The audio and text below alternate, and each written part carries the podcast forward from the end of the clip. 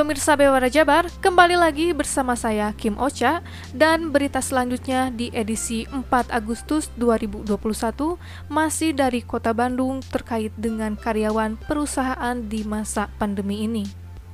Sejumlah perusahaan akan terkena sidak, ini penyebabnya terkait adanya dugaan pelanggaran pemenuhan hak pekerja selama penanganan COVID-19, pemerintah Kota Bandung akan melakukan inspeksi mendadak atau sidak ke sejumlah perusahaan.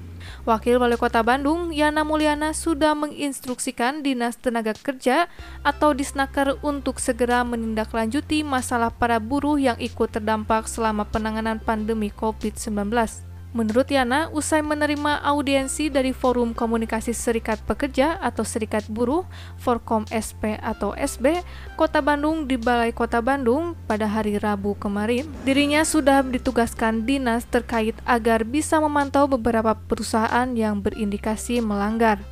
Pada pertemuan itu, Yana menerima sejumlah aspirasi dari perwakilan sembilan rakyat buruh yang tergabung di Forkom SP atau SB Kota Bandung. Di antaranya yang paling krusial yaitu perusahaan mengabaikan hak buruh. Yana memastikan turut mendorong aspirasi para buruh ini ke level pemerintahan yang lebih tinggi. Dirinya berharap itu bisa menjadi bahan masukan dalam menentukan kebijakan baik di level pemerintah, provinsi, ataupun pemerintah pusat. Selain itu, Yana juga akan mendorong agar para buruh bisa memperoleh vaksinasi COVID-19. Menindaklanjuti arahan Yana tersebut, Kepala Disnaker Kota Bandung, Arif Syaifuddin meminta Porkom SP atau SB memberikan data perusahaan yang terindikasi melanggar. Selanjutnya, pihaknya akan sidak ke perusahaan tersebut.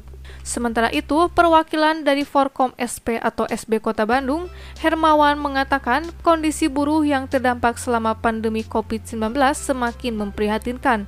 Ditambah lagi, banyak kebijakan perusahaan yang tidak berpihak kepada para pekerja. Menurutnya, pemutusan hubungan kerja atau PHK sepihak juga kian sporadis. Hingga kini ada sekitar 5 ribuan buruh yang tengah memperjuangkan hak pesangonnya. Di tengah beragam persoalan tersebut, Hermawan tetap bersyukur karena Pemkot Bandung selalu responsif menerima aspirasi para buruh. Dia berharap Pemkot Bandung bisa berbuat banyak untuk ikut meringankan masalah buruh. Sumber dari bewarejaba.com